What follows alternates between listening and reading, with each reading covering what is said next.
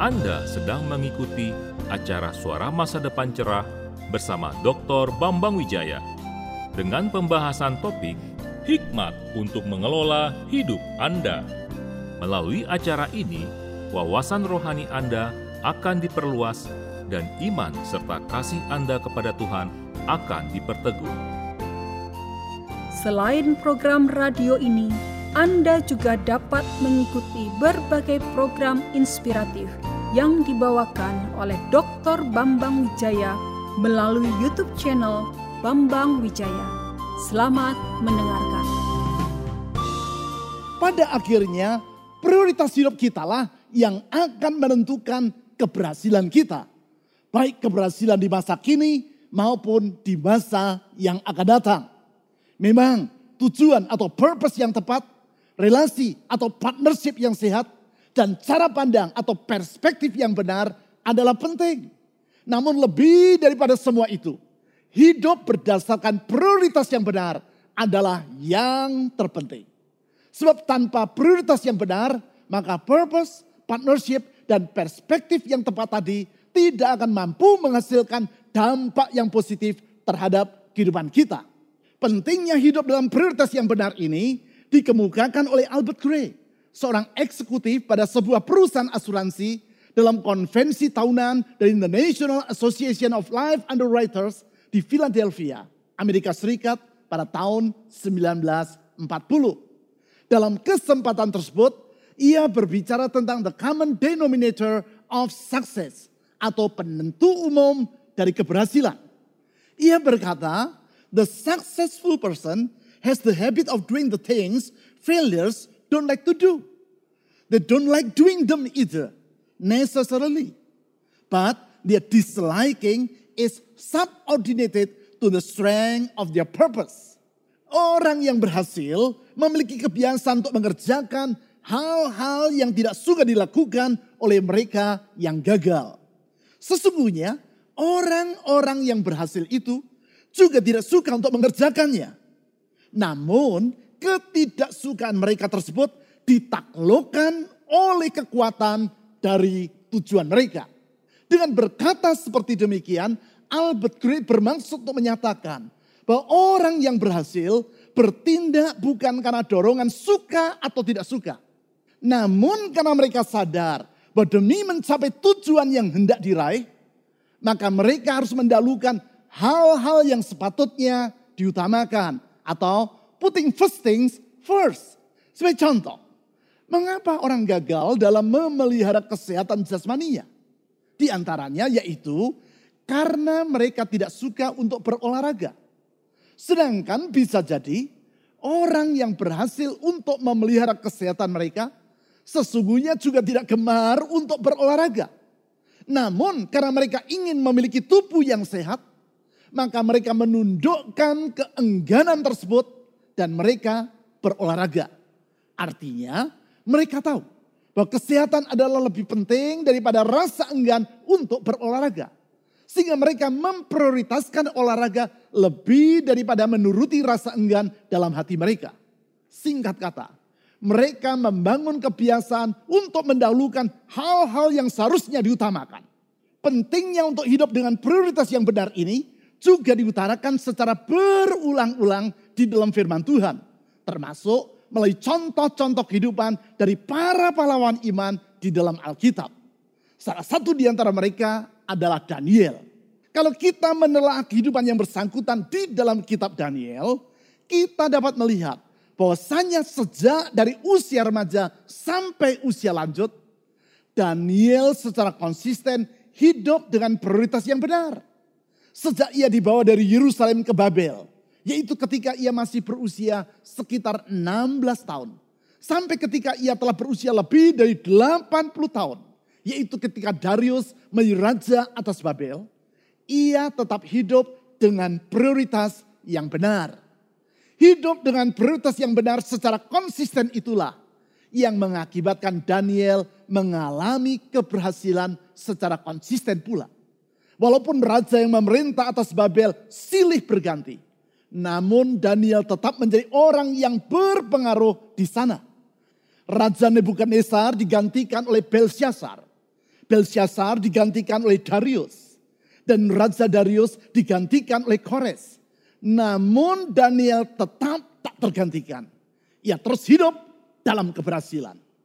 Dari semua ini kita dapat mengambil kesimpulan bahwa pada akhirnya prioritas hidup kita lah yang akan menentukan keberhasilan kita. Baik keberhasilan di masa kini maupun di masa yang akan datang. Prioritas yang merupakan cerminan dari tata nilai dalam hati kita. Berarti dengan membaharui kembali hati Anda atau reinvent your heart, yaitu dengan menyusun prioritas yang benar, maka saudara dapat meraih hari depan yang indah. Untuk memahami hal ini, saya mengajak saudara melihat kehidupan Daniel ketika ia hidup dalam masa pemerintahan Raja Darius. Yaitu sebagaimana yang dicatat di dalam Daniel pasal 6. Di ayat 2 sampai 4 ditulis bahwa Raja Darius mengangkat Daniel menjadi salah seorang dari tiga pejabat tinggi yang mengepalai 120 orang wakil raja yang ditempatkan di seluruh kerajaan Babel. Karena kemampuan Daniel lebih daripada para pejabat tinggi yang lain, maka Raja Darius bermaksud untuk menempatkannya atas seluruh kerajaannya. Artinya, Raja Darius akan mengangkat Daniel menjadi orang nomor dua yang paling berkuasa di kerajaan Babel yang sangat luas itu. Niatan Raja Darius ini menimbulkan rasa iri di hati para pejabat tinggi yang lain dan para wakil raja. Sehingga mereka coba mencari-cari kesalahan dalam diri Daniel. Yaitu agar mereka memiliki alasan untuk mendakwa Daniel di hadapan sang raja. Tentang hal tersebut di ayat 5 dan 6 ditulis sebagai berikut. Daniel pasal 6 ayat 5 dan 6. Kemudian para pejabat tinggi dan wakil raja itu mencari alasan dakwaan terhadap Daniel dalam hal pemerintahan. Tetapi mereka tidak mendapat alasan apa pun atau sesuatu kesalahan. Sebab ia, Daniel, setia dan tidak ada didapati sesuatu kelalaian atau sesuatu kesalahan padanya. Ayat 6. Maka berkatalah orang-orang itu, kita tidak akan mendapat suatu alasan dakwaan terhadap Daniel ini. Kecuali dalam hal ibadahnya kepada Allahnya. Di sini ditulis bahwa mereka tidak dapat menemukan alasan untuk mempersalahkan Daniel. Satu-satunya yang dapat mereka jadikan alasan untuk mendakwa Daniel adalah dalam hal ibadahnya kepada Allah. Ibadah yang merupakan cerminan dari sikap Daniel dalam memprioritaskan Tuhan lebih dari semua yang lain. Prioritas kehidupan yang benar. Dan yang bila kita praktekkan akan menentukan tiga hal yang penting dalam kehidupan kita. Yaitu yang pertama, akan menentukan perilaku kita sehari-hari. Saya ulang. Prioritas yang benar akan menentukan perilaku kita sehari-hari. Karena pada dasarnya ada dua hal yang mengakibatkan orang melakukan apa yang ia lakukan. Sebagai contoh, mengapa orang rela bangun di pagi hari dan bekerja keras sampai larut malam? Ada dua hal yang menjadi penyebab. Yang pertama, yaitu karena adanya kebutuhan di dalam diri yang bersangkutan kebutuhan baik secara jasmani, jiwani maupun rohani. Karena orang memiliki kebutuhan jasmani ya, yaitu makan, minum, sandang dan pangan, maka ia rela bekerja dengan keras untuk mencukupi kebutuhan tersebut. Namun bukan itu saja. Saya pernah tinggal untuk beberapa waktu di Jepang.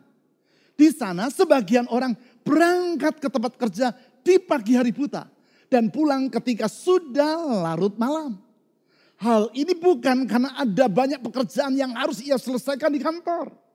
Namun kalau sore hari ia sudah tiba di rumah, maka para tetangganya akan menganggap bahwa dirinya adalah orang yang tidak diperlukan di kantor. Jadi supaya ia dianggap sebagai orang yang penting oleh para tetangganya, sehingga walaupun pekerjaan di kantor sudah selesai, ia tidak segera pulang ke rumah. Bersama dengan para temannya, ia pergi terlebih dulu ke tempat minum. Dan baru pulang ke rumah ketika sudah larut malam. Artinya, demi gengsi dia berani mati. Artinya, kebutuhan untuk dihargai oleh orang lain membuat ia berperilaku seperti itu. Namun ada alasan yang kedua. Mengapa orang melakukan apa yang ia lakukan? Yaitu karena tata nilai dalam diri yang bersangkutan. Tata nilai atau value system. Yaitu apa yang dianggap orang sebagai yang paling berharga dalam hidupnya. Sehingga kalaupun orang sudah memiliki harta yang cukup, tetap saja ia bekerja keras di sepanjang hari. Mengapa? Karena bagi dirinya bekerja keras merupakan suatu prinsip yang berharga dalam kehidupannya. Tata nilai seperti itu pula lah yang dapat kita lihat di dalam kehidupan para utusan Injil atau misionari yang melayani di daerah yang sukar. Mereka rela meninggalkan kenyamanan hidup di negeri mereka dan mengabdi untuk memberitakan Injil di negeri yang lain. Berkorban dengan hidup secara sederhana. Padahal kalau mereka bekerja di negeri asal mereka, maka mereka akan hidup secara berkecukupan. Mengapa mereka melakukan itu? Karena bagi mereka memberitakan kabar Injil merupakan hal yang paling bernilai, lebih berharga dibandingkan kenyamanan hidup. Itulah tata nilai mereka. Tata nilai yang tercermin dalam prioritas kehidupan mereka. Prioritas untuk hidup menyenangkan hati Tuhan itu pula lah. Yang tercermin dalam perilaku sehari-hari dari Daniel. Prioritas yang diutarakan oleh orang-orang yang merasa iri hati kepada Daniel di ayat 6 dengan istilah ibadahnya kepada Allahnya. Ibadah kepada Allah. Karena sesungguhnya intisari dari suatu ibadah adalah untuk menyenangkan hati Tuhan. Prioritas dan tata nilai ini mengakibatkan Daniel hidup sedemikian rupa. Sehingga seperti yang diakui oleh orang-orang tadi. Yaitu kita tidak akan mendapat suatu alasan dakwaan terhadap Daniel ini. Mereka tidak mendapat alasan apa pun untuk mendakwa Daniel. Karena seperti yang ditulis di ayat 5. Ia setia. Dan tidak ada didapati sesuatu kelalaian atau sesuatu kesalahan padanya. Hal ini menunjukkan bahwasanya prioritas kehidupan Daniel termanifestasikan dalam kehidupannya sehari-hari. Berarti bagaimana kita dapat mengetahui prioritas kehidupan dalam diri seseorang? Lihatlah kehidupan sehari-hari dari yang bersangkutan. Kalau seseorang berkata, bagi saya kejujuran merupakan hal yang paling bernilai. Lihatlah kehidupan sehari-hari dari yang bersangkutan. Benarkah ia bersikap jujur di dalam hal-hal yang sederhana? Sudahkah ia bersikap jujur di dalam hal jam kerja? Kalau ternyata ia suka menghilang atau ghosting dari kantor pada jam kerja, jelas ia bukan orang yang jujur. Demikian juga kalau seseorang berkata, bagi diriku Tuhan adalah yang paling utama dalam hidupku. Lihatlah kehidupannya sehari-hari. Sudahkah ia benar-benar memprioritaskan Tuhan dalam hidupnya? Sudahkah ia memprioritaskan ibadah kepada Allah dalam kehidupannya? Atau ia melakukan ibadah secara sambil lalu dan kalau kebetulan ia teringat, masalahnya ia lebih sering lupa dibandingkan teringat untuk melakukan ibadah. Lihatlah bagaimana sikap dirinya dalam memberi persembahan kepada Tuhan. Apakah ia memberikannya dengan sepenuh hati? Dan dengan penuh pengorbanan seperti yang dilakukan oleh seorang jana miskin yang mempersembahkan dua peser di bait Allah. Yaitu sebagaimana yang dicatat di dalam Markus pasal 12 ayat 41 sampai 44. Bagi dirinya menyenangkan hati Tuhan adalah yang paling bernilai. Itulah yang menjadi prioritas bagi hidupnya. Sehingga ia rela menyerahkan seluruh nafkahnya kepada Tuhan karena ia memang mengasihi Allah. Kita percaya sebagaimana penghargaan Yesus kepada janda yang miskin ini, demikianlah Allah akan menghargai orang yang sungguh-sungguh mengasihi dirinya. Selanjutnya, yang kedua, prioritas kehidupan akan menentukan sikap kita terhadap tantangan. Saya ulang, prioritas kehidupan akan menentukan sikap kita terhadap tantangan. Tantangan yang saya maksudkan di sini bukan hanya dalam bentuk kesulitan, tetapi juga dalam bentuk kenyamanan. Kedua-duanya merupakan tantangan yang berat. Bahkan tidak jarang tantangan dalam bentuk kenyamanan bersifat lebih berat dibandingkan tantangan dalam bentuk kesulitan. Tentu saudara masih ingat kisah tentang angin barat dan angin timur yang sering saya ceritakan bukan? Alkisah, suatu hari angin barat bertemu dengan angin timur. Kedua angin itu memperdebatkan siapakah yang terkuat di antara mereka. Angin barat berkata, aku lebih kuat daripada dirimu. Angin timur tidak mau kalah dan balas berkata, bukan, keliru. Pasti aku lebih kuat daripada kamu. Mereka berdebat cukup lama. Lalu sambil menunjuk kepada seekor monyet kecil yang sedang bergayut pada sebatang pohon. Angin barat berkata, begini saja. Siapa di antara kita yang mampu menjatuhkan monyet itu, maka dialah yang terkuat. Baik, silakan kau memulainya terlebih dulu. Kata si angin timur menanggapi tantangan si angin barat. Angin barat pun bertiup dengan kuat. Merasakan tiupan angin yang kencang, segera si monyet tadi memeluk dan tempat ia bergantung dengan kuat-kuat si angin barat bertiup semakin kuat. Semakin kuat pula si monyet memegang dahan pohon. Angin barat mengerahkan segenap tenaga dan bertiup sekuat mungkin. Sang monyet kecil semakin erat memeluk dahan pohon itu. Akhirnya angin barat pun menyerah karena tak mampu menjatuhkan si monyet tadi. Dengan kelelahan ia berkata kepada angin timur, sekarang giliranmu. Angin timur ganti bertiup. Berbeda dengan angin barat. Ia tidak bertiup dengan keras. Sebaliknya dengan sangat lembut. Merasakan tiupan angin sepoi-sepoi basah. Si monyet yang baru saja berhasil mengatasi angin barat merasa sangat mengantuk. Angin timur bertiup terus dengan lembut. Mata si monyet semakin terasa berat. Angin timur bertiup semakin lebih lembut lagi. Si monyet pun jatuh tertidur dan pelukan tangannya pada dan pohon mulai mengendur. Si angin timur bertiup lebih lembut lagi. Tangan si monyet terlepas dari dahan pohon dan buk, ia terjatuh ke tanah.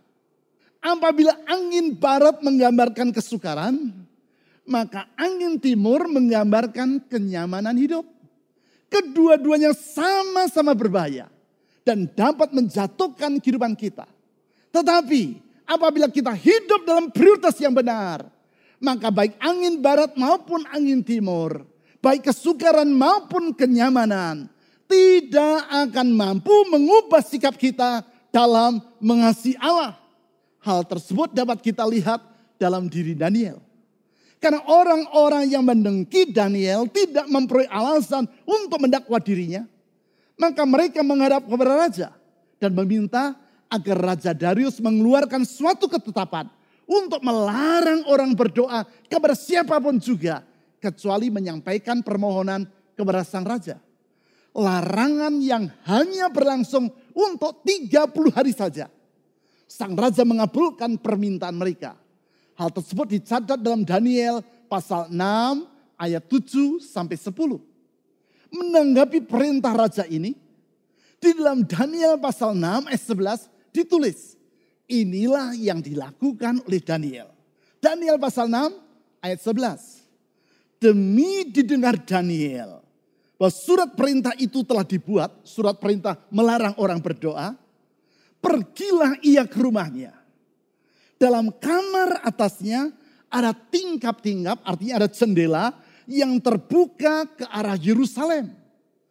Tiga kali sehari ia berlutut berdoa serta memuji Allahnya, perhatikan, seperti yang biasa dilakukannya.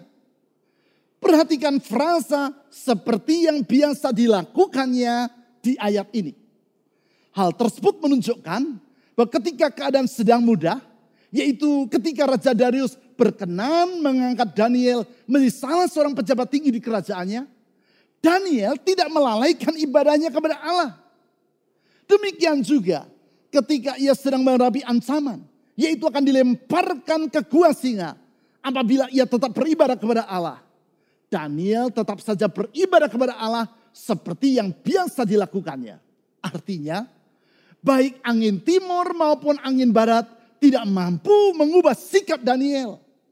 Hal ini menunjukkan bahwasanya prioritas hidup yang benar akanlah tercermin dalam sikap kita terhadap tantangan. Baik tantangan dalam bentuk kesukaran maupun kenyamanan.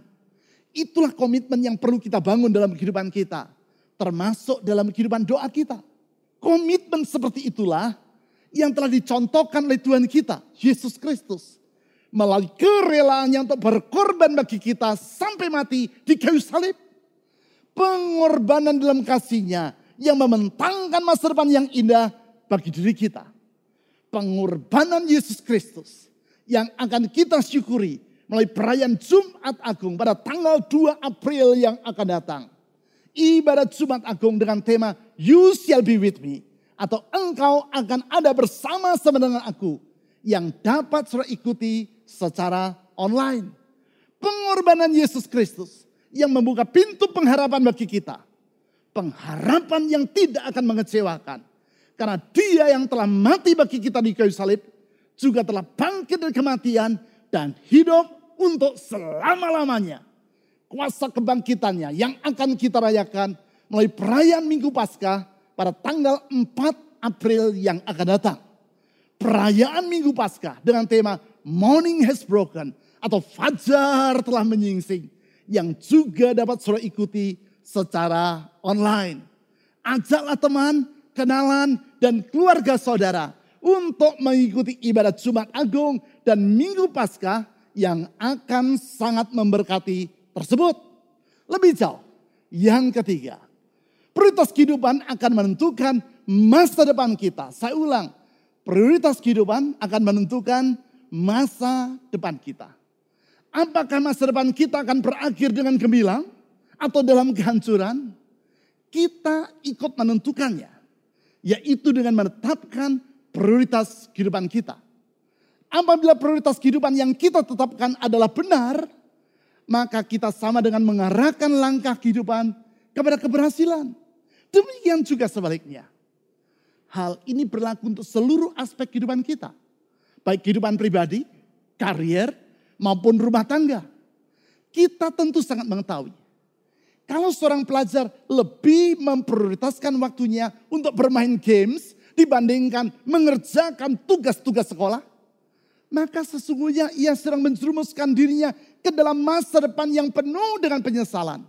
Sebaliknya, apabila ia memprioritaskan hidupnya untuk hal-hal yang benar, maka ia sedang membuka jalan untuk hari depan yang indah. Itulah yang terjadi dengan diri Daniel. Prioritas yang tepat yang ia ambil, yaitu dengan menempatkan Allah sebagai yang paling utama dalam kehidupannya, menyebabkan dirinya mengalami pertolongan Allah. Walaupun ia dilemparkan ke dalam gua singa oleh karena komitmennya kepada Allah, Tuhan telah mengatup mulut dari singa-singa tersebut. Hal itu dicatat di dalam Daniel pasal 6 ayat 21b sampai 23. Ayat-ayat tersebut menjelaskan kepada kita bahwa prioritas hidup yang benar telah memungkinkan Daniel untuk mengalami keberhasilan. Keberhasilan yaitu berhasil melewati masa sukar di dalam kemenangan. Bahkan bukan hanya keberhasilan yang bersifat sesaat. Tetapi juga keberhasilan sampai ke masa depan. Keberhasilan sampai kepada akhir dari kehidupannya. Sehingga di ayat 29 ditulis sebagai berikut. Daniel pasal 6 ayat 29. Dan Daniel ini mempunyai kedudukan tinggi pada zaman pemerintahan Darius dan pada zaman pemerintahan Kores, orang Persia itu. Di sini kita melihat bahwasanya bukan hanya pada zaman Raja Darius saja Daniel mempunyai kedudukan yang tinggi, tetapi sampai kepada babak sejarah yang berikutnya, yaitu sampai pada zaman pemerintahan Raja Kores. Dengan kata lain, prioritas hidup kita lah yang akan menentukan keberhasilan kita. Baik keberhasilan di masa kini maupun di masa yang akan datang. Kalau saudara percaya akan kebenaran ini, tulislah kata amin di kolom komen dari YouTube channel yang sedang saudara ikuti ini. Kalau saudara ingin mengalaminya, tulislah kata amin di situ sebagai pernyataan imanmu kepada kebenaran firman Tuhan. Pentingnya untuk hidup dalam prioritas yang benar ini pula lah yang diutarakan oleh sastrawan, ilmuwan dan filsuf dari Jerman yang hidup dua abad yang silam. Johann Wolfgang von Goethe. Ia berkata, things with matter most must never be at the mercy of things which matter least. Hal-hal yang paling penting tidak boleh ditentukan oleh hal-hal yang paling tidak penting. Artinya, perkara yang remeh-temeh tidak boleh diprioritaskan melebihi hal-hal yang seharusnya diutamakan. Masalahnya, hal yang sama oleh orang tertentu dipandang sebagai hal yang remeh. Sedangkan bagi orang yang lain dinilai sebagai hal yang utama. Apakah yang membedakannya? Bagi orang-orang tertentu, ibadah dipandang sebagai hal yang remeh. Sedangkan bagi orang lain, dipandang sebagai hal yang penting.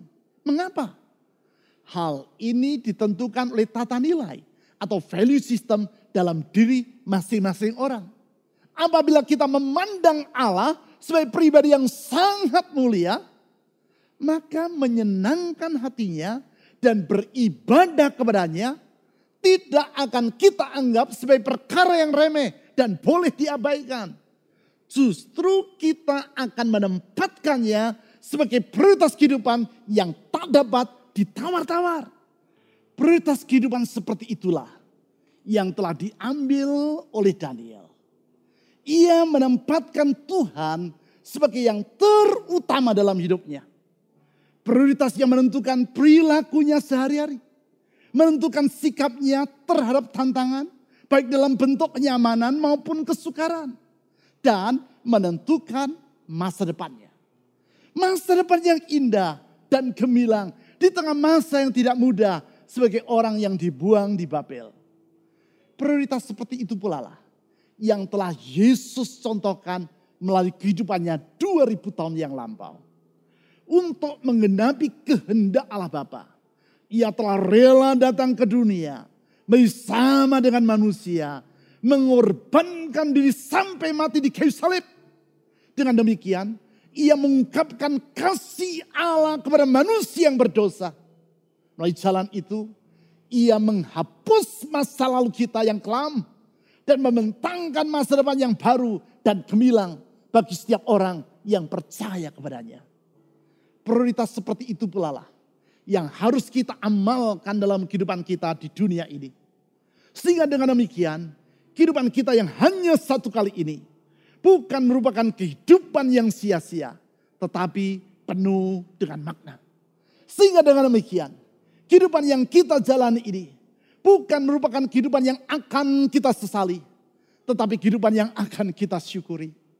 Sehingga dengan demikian, setiap musim kehidupan, termasuk masa-masa yang sukar, dapat kita lewati dengan kehidupan yang berkenan kepada Tuhan dan menyenangkan hatinya.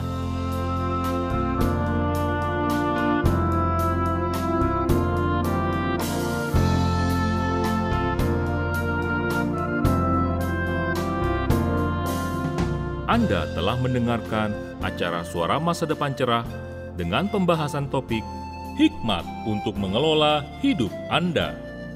Pekan yang akan datang, Dr. Bambang Wijaya akan melanjutkan topik tersebut pada hari, jam, dan gelombang radio yang sama. Pastikan Anda mengikutinya. Selain program ini, Anda juga dapat mengikuti berbagai program inspiratif yang dibawakan oleh Dr. Bambang Wijaya melalui YouTube channel Bambang Wijaya. Program-program video di dalam kanal YouTube Bambang Wijaya tersebut akan meneguhkan iman Anda. Bila Anda ingin menghubungi Dr. Bambang Wijaya, silahkan Anda menghubunginya melalui WA ke nomor telepon 0811 309 077. Sampai berjumpa pada pekan yang akan datang. Tuhan memberkati.